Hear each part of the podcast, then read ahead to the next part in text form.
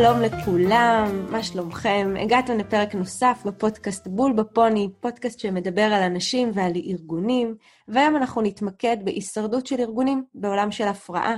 אני בת חן פרימור, ואיתנו היום רם יאולוס. שלום רם, מה שלומך? שלום בת חן, מצוין, איך את? שלומי מצוין רם, תודה רבה. אני לפני הכל אציג אותך למאזינים שלנו ואספר שאתה מנכ"ל נירם גיטן, NGG, ומומחה אסטרטגי לארגונים. ובחרנו היום להתמקד בארגונים בהפרעה, מה שמאוד מאפיין את הארגונים בעת הנוכחית. כתבת על זה ספר מצוין שנקרא עידן הדחיפות. אה, בספר הזה אתה בעצם מתאר את העידן החדש שנכנסנו אליו, עידן שהוא עם קצב מואץ מאוד. בספר תיארת אין ספור הפרעות שקיימות בשוק העבודה ושהופכות למערבולת. אז בואו נתחיל מההתחלה. מה באמת קורה בארגונים בעת הנוכחית? אולי כדאי להגיד מה לא קורה, אבל קורים המון המון דברים, ו- וזה לא מהיום. זאת אומרת, אנחנו קצת אה, מושפעים מאירועי הקורונה בתקופה האחרונה, והעובדה שעובדים מהבית, ואז יש שאלות של איך אני, איך אני דואג ליעילות, ומצד שני, איך אני דואג לזה שאנשים לא אה, יתנתקו לי מהארגון ותהיה לכידות ארגונית.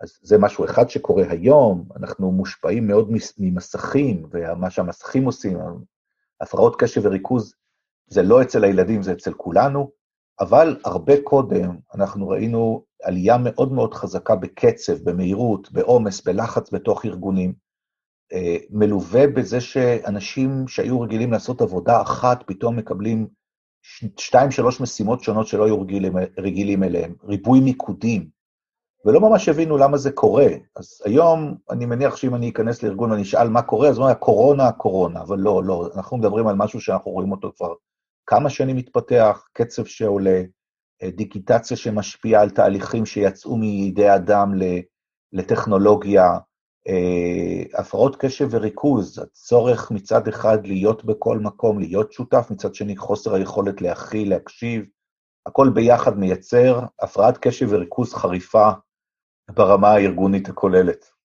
אתה יודע, זה, זה מאוד מעניין מה שאתה אומר, כי בין השורות, מה שאני שומעת זה שאם בעבר חוויית היסוד של ארגון הייתה להגיע לאיזושהי סוג של יציבות, היציבות הזאת בעצם משמשת לה איזשהו בסיס לצמיחה, עד שמגיעים ליציבות חדשה וחוזר חלילה. אז החוויית היסוד כאן היא שאנחנו נמצאים באיזשהו שינוי מתמיד. השאיפה בסופו של דבר היא כבר לא להגיע לאיזושהי יציבות ואז לחדש, אלא קודם כל לחדש, לקחת איזה שהם סיכונים ולעשות התאמות עד שאנחנו מוצאים מה שעובד. ועודף יציבות בסוף מוביל אותנו לאיזשהו קיבעון, לאיזושהי התאבנות, אה, שארגון מאבד מאוד מהר מהחייניות שלו.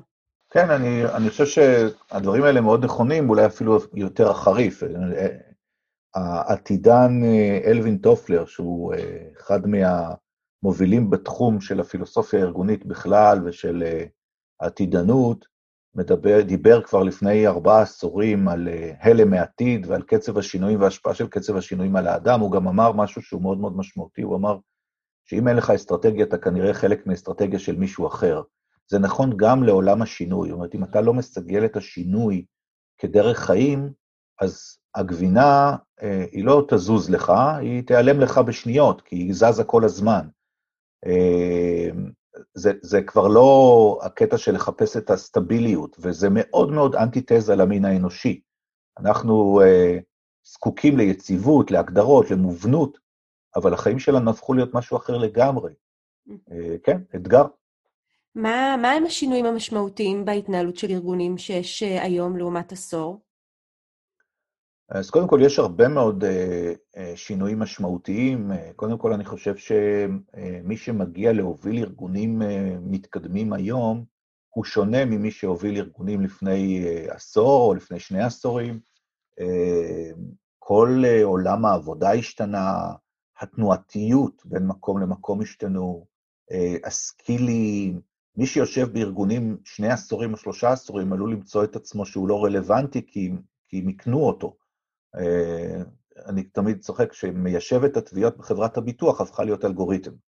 אז זה, זה לא מצחיק, זה באמת ככה, ובצד השני אנחנו רואים בהרבה מאוד מקצועות אה, שחסרים, אבל בגדול, כשאנחנו מסתכלים, אז בעבר, וזה הולך חזק מאוד עם מה שאת אמרת, בעבר יכולנו לראות משהו שמסתובב לנו בסביבה, כמו למשל מתחרה חדש שמגיע, למשל שינוי ברגולציה, למשל אה, אה, תחום טכנולוגי שמתפתח, והיינו לומדים את זה, והיינו אה, יושבים בצוותי חשיבה ונערכים ומכינים את התוכנית התגובה שלנו, ואז היינו עושים מה שאנחנו עושים כדי להיות מוכנים לדבר הזה, וממשיכים מה שאנחנו קוראים business as usual. אז גם אנחנו אומרים business as usual is dead. ואז, אם אנחנו לא מבינים את זה, אז אנחנו, הקצב של הרואים גורם לזה שאותו שינוי שמגיע בסביבה שלנו, הוא מגיע, ועד שאנחנו נערכים אליו מגיע אה, שינוי נוסף. ואז אנחנו מתחילים פשוט לרדוף אחרי הזנב של עצמנו, זה מה שאנחנו קוראים סינדרום התגובה. במקום לעשות היערכות, להגיב ולהמשיך business as usual, אנחנו מגיבים, מגיבים, מגיבים, מגיבים, ואז אנחנו מבזבזים את האנרגיה שלנו פשוט כל הזמן לרוץ אחרי אירועים שמתרחשים לנו בסביבה. יש ארגונים שהם אה, מאז ומתמיד, זה חלק ממי שהם. ואין ספק שתגובתיות זה, מעין, זה סוג של מתח שקיים בהרבה ארגונים בעצימויות שונות. מהניסיון שלי בסוף, אה, אני חושבת שזו סוגיה של קשב ארגוני ושל קשב ניהולי. כי אני חושבת שישנם, יש באמת אה, מגוון מנגנונים מרכזיים שיכולים לעזור לארגונים ליישב את הקושי הזה.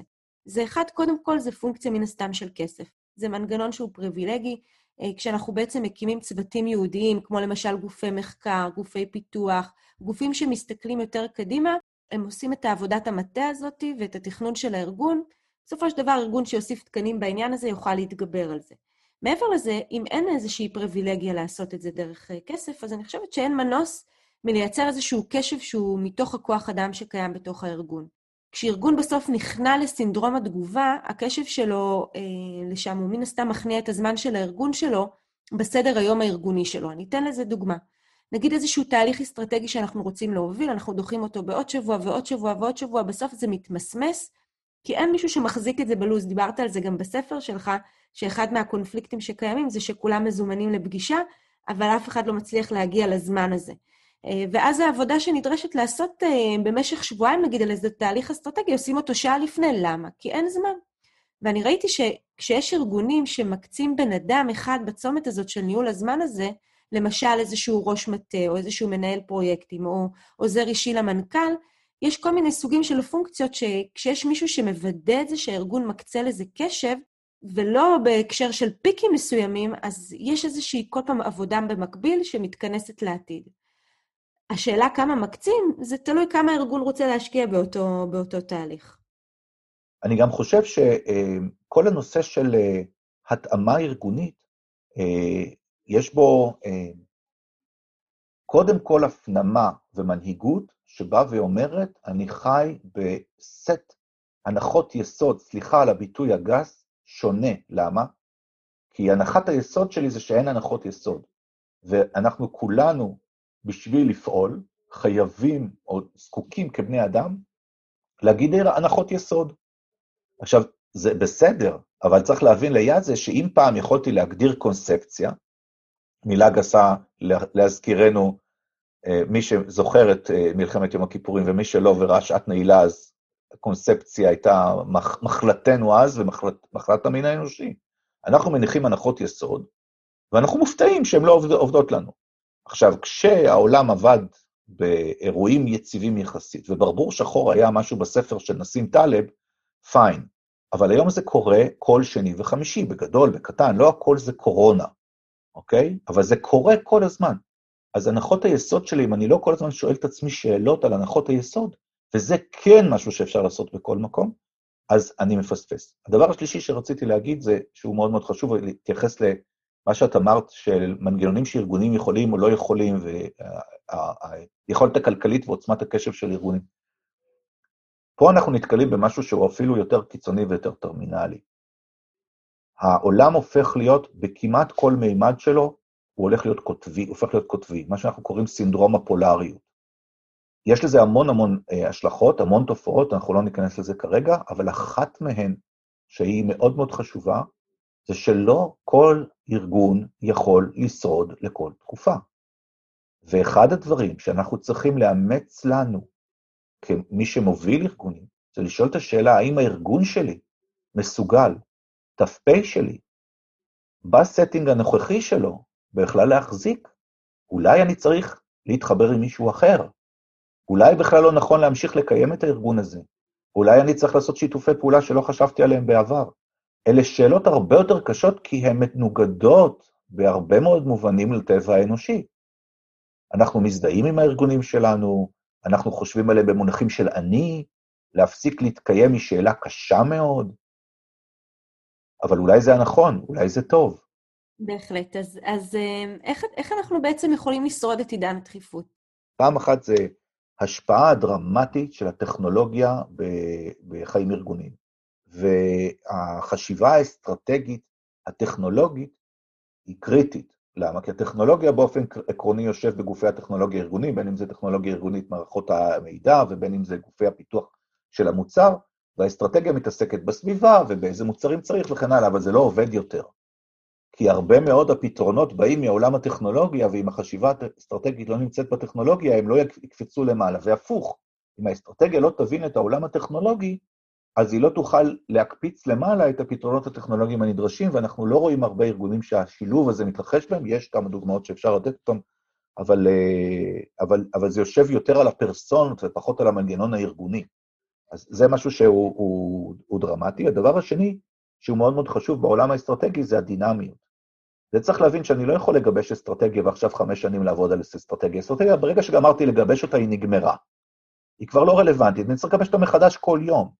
אז אנחנו צריכים מנגנון שמעדכן את האסטרטגיה שלנו כל הזמן על בסיס השינויים שמתרחשים. הרי מה זה אסטרטגיה? אסטרטגיה זה הדרך שקבעתי שבה אני רוצה להשיג את המטרות. אז א', מטרות יכולות להשתנות, בגלל כל דבר שמתרחש בסביבה. דבר שני, הדרך לשם היא בוודאי משתנה כל הזמן. אז אנחנו כארגון צריכים לאמץ חשיבה אסטרטגית דינמית. אני למדתי שיש שני סוגים של מנהלים. יש את המנהל שמתנהל סביב נקודת מוצא של התמונה הגדולה, התמונה האסטרטגית יותר, ויש את המנהל של הפרטים הקטנים, בכאן ועכשיו. אני חושבת ששניהם יכולים להיות מנהלים מצוינים, והתנאי לכך זה כשאותו מנהל יודע להגדיר קודם כל מהו, ואם הוא מנהל לטווח קצר ולטווח ארוך, ואם הוא יודע לבנות אה, את המנגנונים שיעזרו לו לאזן את הגישה הדינמית הזאת בין הטווח הקצר לטווח הארוך. איך מזהים את המנהל הזה? אני חושבת שכל אחד יכול, אפשר לראות את זה גם כשאנחנו נכנסים לדיון ולראות איפה מתחילים. אנחנו מתחילים בהסתכלות קצת יותר רחבה על תוכנית עבודה, או שאנחנו ישר יורדים לרזולוציות מאוד קטנות. אני אוהבת נורא להמשיל את זה כמו באומנות של פונטיאליזם. כשאנחנו מסתכלים על התמונה, אז הכל בזה בהתאם למרחק שאתה מתבונן בה. אם אתה רואה את הנקודות או את כל התמונה המלאה. אני חושבת שאפשר בהחלט אה, לווסת אה, בין שני הסוגים של ההתנהלויות האלה שציינת, גם לטווח הקצר וגם לטווח הארוך, כי אני, זה בסוף לא הופך מנהל לטוב או פחות טוב מי שמתעסק באחד מהטווחים האלה. אני חושבת שאפשר לאזן בין שני הטווחים האלה על ידי זה שקודם כל לא מזניחים אותם. אז אחד זה אפשר באמת לבחור איזשהו מישהו שהוא יהיה יועץ או מנטור או איזשהו מספר שתיים שלך בתוך הצוות, שהוא ידע להרכיב את המשקפיים האלה שמביאים פרספקטיבה שמשלימה אותך כמנהל. והוא חייב להיות מוכוון ולהקפיד לנהל איתך את אותו שיח הזה. נקודה השנייה שאפשר לעשות במצב הזה זה לבנות איזשהו צוות שהוא יהיה מאוד מאוזן בטווחי התבוננות שלו. סמדר אה, דיברה איתנו, סמדר תדמור, לפני כמה פרקים על ג'וב uh, קרפטינג, שבעצם דיברה על זה בהקשר של מוטיבציה, אבל גם כאן אנחנו יכולים באמת לבנות צוותים עם צימודים שהם יהיו צימודים משלימים. פעם אחת מסתכלים על הטווח קצר וטווח ארוך, ואז באמת אותו מנהל שידע לאמץ את הגישה הזאת, ידע באמת לרקוד את הריקוד בין הטווחים האלה, ואז לשרוד אולי את עידן הדחיפות שדיברנו עליה. אוקיי, okay, אז אני, אני קודם כל רוצה, אני חייב להתייחס למה שאת, שאת אמרת, אני חושב שבעולם של באמת מנהלים ומנהיגות באופן כללי, אנחנו נמצאים במצב שיש ריבוי מיקודים. ובריבוי מיקודים אתה לא יכול לבקש את מי שעושה עבודה מצוינת לעכשיו, שיעשה את החשיבה לקדימה.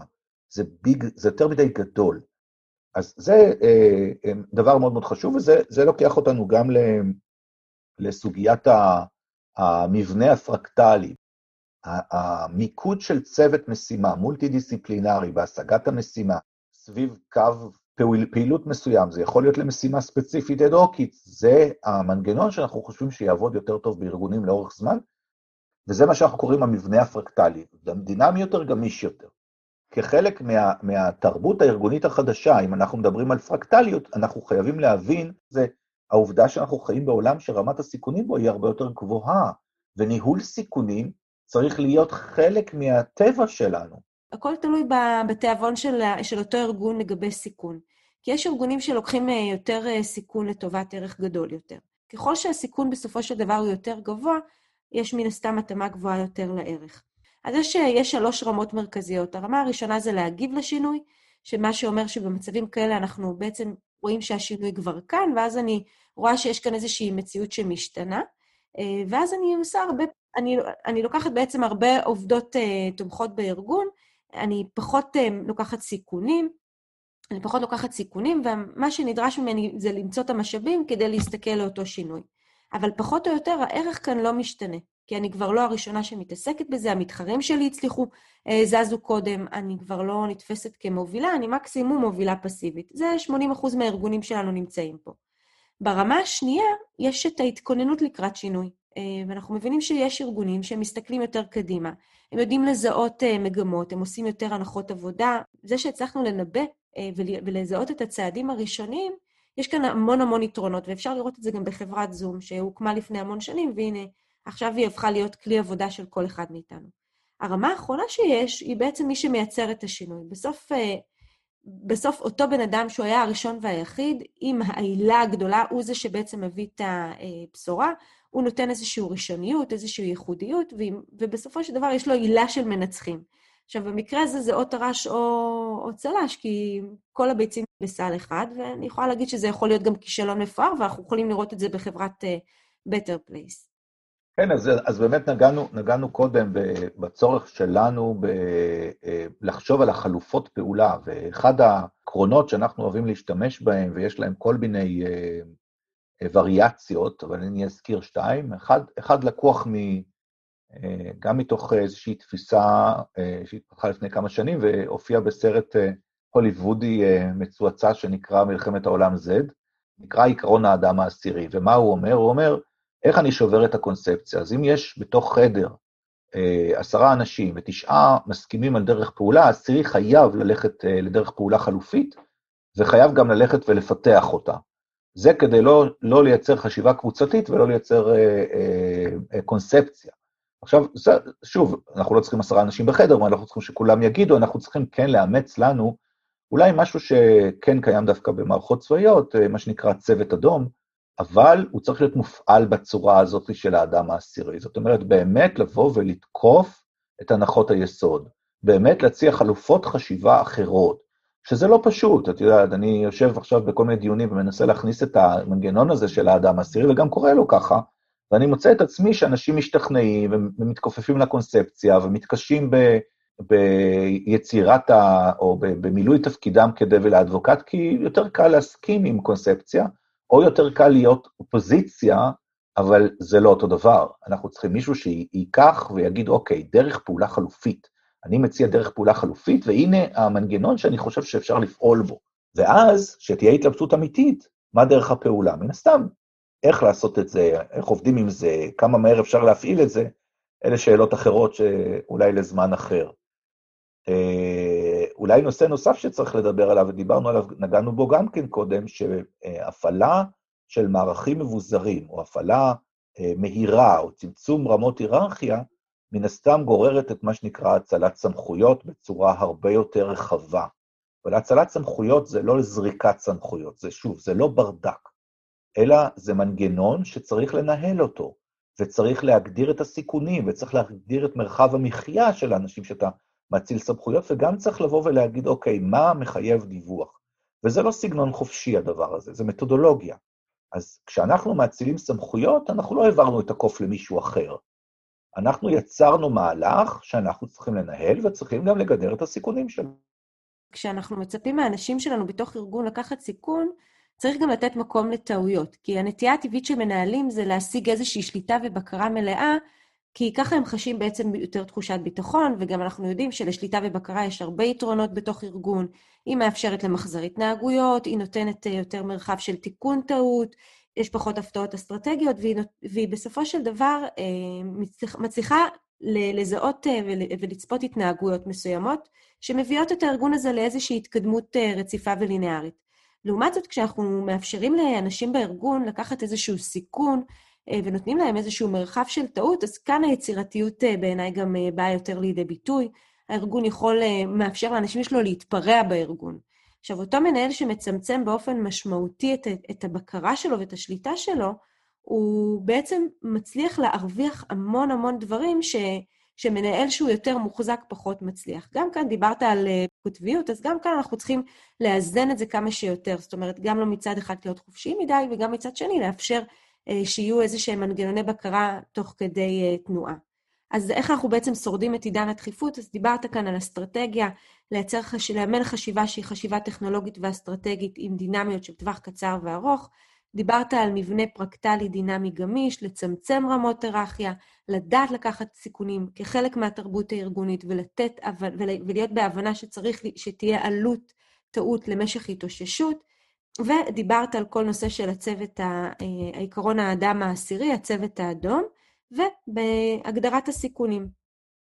אה, מה, מה הטעויות הנפוצות שאתה מכיר שארגונים אה, צפויים לעשות, ומה המחירים שלהם?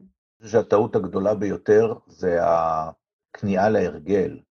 אני עושה משהו שלא עובד לי טוב, או שלא עובד בכלל, אבל בפעם הבאה אני עושה בדיוק את אותו דבר, כי ככה אני רגיל לעשות, וזה מה שהכרתי.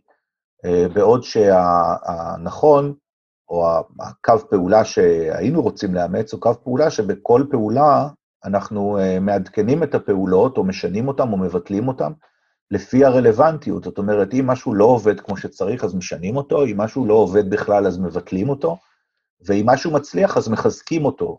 זה משהו שאנחנו, לצערנו, לא רואים יותר מדי. אנחנו בדרך כלל רואים אה, סוג של סטגנציה בכל מקום שלא מבחינים בו בצורה טובה. אנחנו רואים שתהליכים תקולים, שגויים, שלא מתפקדים טוב, הם תהליכים ששורדים בתוך ארגון מהרבה סיבות. מהצד השני, אנחנו רואים פעולות מאוד מאוד מוצלחות שמתות כי הארגון אה, בוחר שוב מסיבותיו שלא, אה, שלא לפתח אותם או לא אה, לתמוך בהם, וחבל. אז זאת הטעות הגדולה. וההצלחה היא בדיוק ההפוך, זאת אומרת, ארגון שיצליח כל הזמן להתעסק עם, כשיש דברים שלא עובדים טוב, אז כחלק מהתרבות הארגונית, להגיד, זה לא עובד טוב, אנחנו לא מוכנים לסבול את זה, אנחנו משנים את זה, וזה עובד טוב, אז אנחנו רצים ודוחפים וכן הלאה, ומן הסתם מחדשים כל הזמן, הוא, הוא ארגון שיצליח כנראה יותר, וזה הולך בהלימה עם האדפטיביות לשינוי. מה יאפיין את המנהלים שיצליחו בעידן של הפרעה? אני חושב שהדבר הראשון זה, את נגעת בקטע של האצלת הסמכויות, זה בהחלט אלמנט uh, מרכזי. אני לא זה שיודע הכל. אולי אני זה שלא יודע בכלל מה שאחרים יודעים. זאת אומרת, אני צריך מסביבי אנשים שכולם טובי, יודעים טוב ממני משהו, ומה שאני יודע זה להוביל אותם ביחד, לאחד אותם לכיוון המטרות, על מנת להשיג את התוצאה הטובה ביותר. למה? כי המשתנים, יש כל כך הרבה משתנים שאי אפשר להכיל את כולם. היכולת הכלה של ריבוי משתנים יושבת על זה, קודם כל, שאני מניח בהנחת יסוד, אנחנו בהנחות יסוד, שאין לי הנחות יסוד ואני לא באמת יודע. אז אני צריך, ה- היכולת שלי להכיל את ריבוי המשתנים היא לא אני בעצמי עושה, אלא אני מנהל מערך שמכיל את המשתנים האלה, ועל כל המגוון שלהם. אז זה דבר ראשון בעיניי. דבר השני, ואין סיכוי שההצלחה תהיה הצלחה גורפת, או הצלחה כוללת, או הצלחה מתמידה. ואנחנו, בהגדרה, אנחנו נידונים לכישלונות. אז האם, השאלה האם אני יודע להבחין בכישלון, להכיל את זה שזה לא מצליח, צריך מהר לשנות ולשנות. שוב, זה הולך מאוד חזק עם אדפטיביות לשינוי, ואם אני, ואם אני יודע להתמודד עם זה שאוקיי, אז נכשלנו, בסדר, לא קרה שום דבר, בוא נקום מהר, בוא נלך הלאה. נפלתי מהסוס, אני הולך חזרה, אני ממשיך קדימה, אין מה לעשות. אנחנו כבני אדם, יש לנו איזה, ככה אני, ככה אני עובד, ככה אני עושה. לא, זה לא. אז אתה לא, אתה צריך להיות אחרת. גמישות מחשבתית. כל מה שתיארתי עד עכשיו בגדול מצביע על גמישות מחשבתית. איפה שאין גמישות מחשבתית, איפה שיש סטגנציה, אין אדפטיביות לשינוי, לא שורד. ומנהלים צריכים להיות מסוגלים להניע הרבה מאוד מנהלים אחרים, הרבה מאוד אנשים אחרים. ככל שמנהל בראש נוגע ביותר פרטים בתוך המערכת שלו, הסיכוי שלו לייצר קו פעולה ולנוע מהר יותר עולה. אז יכולת הרתימה וההנאה, המנהיגות, היא דרמטית חשובה בסדרי גודל יותר ממה שהיה קודם. ככל שהבן אדם הוא מהיר יותר, דינמי יותר, רותם יותר, ולא מנסה להיות זה שעושה את כל הדברים או מכתיב את כל הדברים, אלא להפך, מאציל את הסמכויות, אבל גם יודע, אנחנו בצבא תמיד אמרנו להאציל סמכויות לוודא ביצוע, יודע לסגור את הלופים, יודע להכיל את המערכת, סיכויי ההצלחה שלו גבוהים יותר, ולא רק דרך אחת, אין דרך אחת בשום דבר. יש תמיד ריבוי דרכים, ולא אחת היא זאתי שעובדת. אז בעצם מה שאתה אומר זה שקודם כל מהירות אה, על לפני איכות, בעצם אנחנו צריכים לדעת לקחת סיכונים אל מול סטנדרטים מסוימים, צריך שיהיו סטנדרטים בסיסיים, אבל עדיין לדעת לקחת סיכון.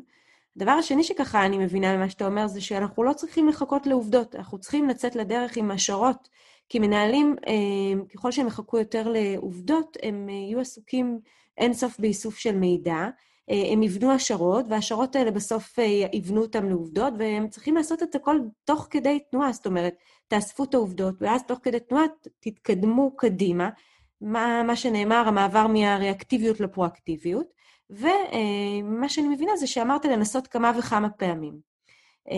קודם כל, כשנכנסים לאיזשהו state of mind של מהירות, של בדיקת השערות, אנחנו לא צריך, לא מספיק לנו ניסוי אחד, אנחנו צריכים אורך רוח מאוד גדול, לנסות כמה וכמה פעמים לפני שסותמים את הגולל ולהתעקש. והדבר האחרון זה לבצר את מה שעובד. אם גילית שמשהו עובד לך, שפוך לתוכו, לתוכו עכשיו המון משאבים ותמשיך לרוץ איתו.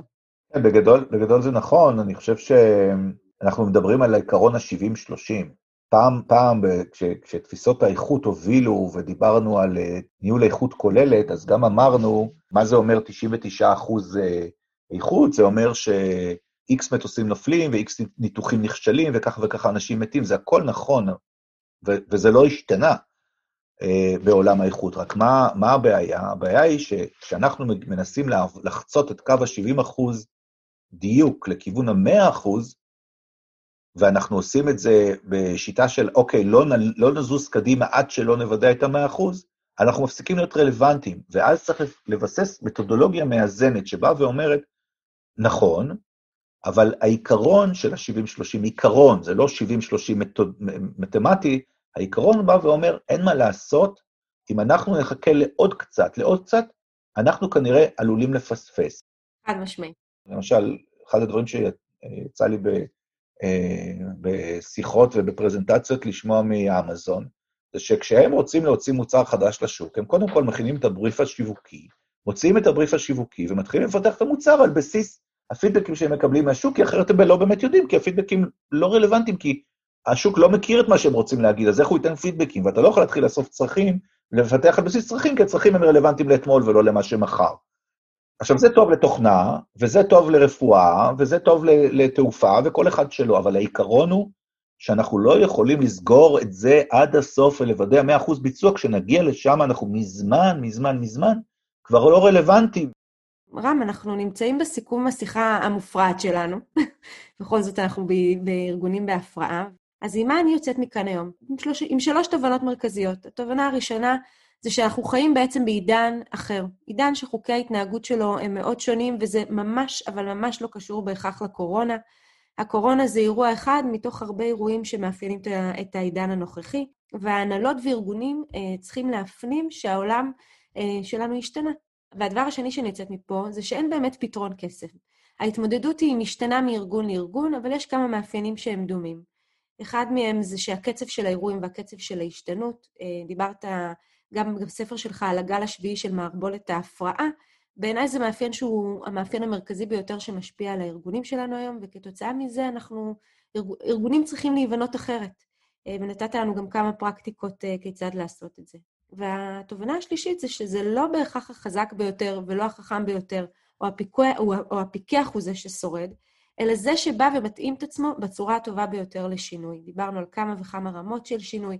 אמ, כל אחד צריך לשאול את עצמו, בסופו של דבר, איפה פוגש אותו התקופה הזאת, מה התהליך שהוא צריך לעשות כדי להתמודד טוב יותר עם השינוי הזה, ולהבין שהחיים של הארגונים שלנו מאוד מאוד השתנו. בסוף לקוחות הופכים להיות למתחרים, מתחרים הופכים להיות אה, שותפי פעול, אה, שותפים לפעולה, ספקים מפתיעים אותנו לטוב ורע. אנחנו נמצאים בעידן של אי-בהירות ושל אי-ידיעה, וזה מה ששולט בנו. ומי שמתמודד עם אה, סביבות של חוסר ודאות אה, ושל חוסר ידיעה, יודע באמת להתאים את עצמו ולהתמודד טוב יותר. רם היקר, תודה רבה לך, היה פשוט מהנה. תודה רבה בתכן, תודה על ההזדמנות והיה כיף.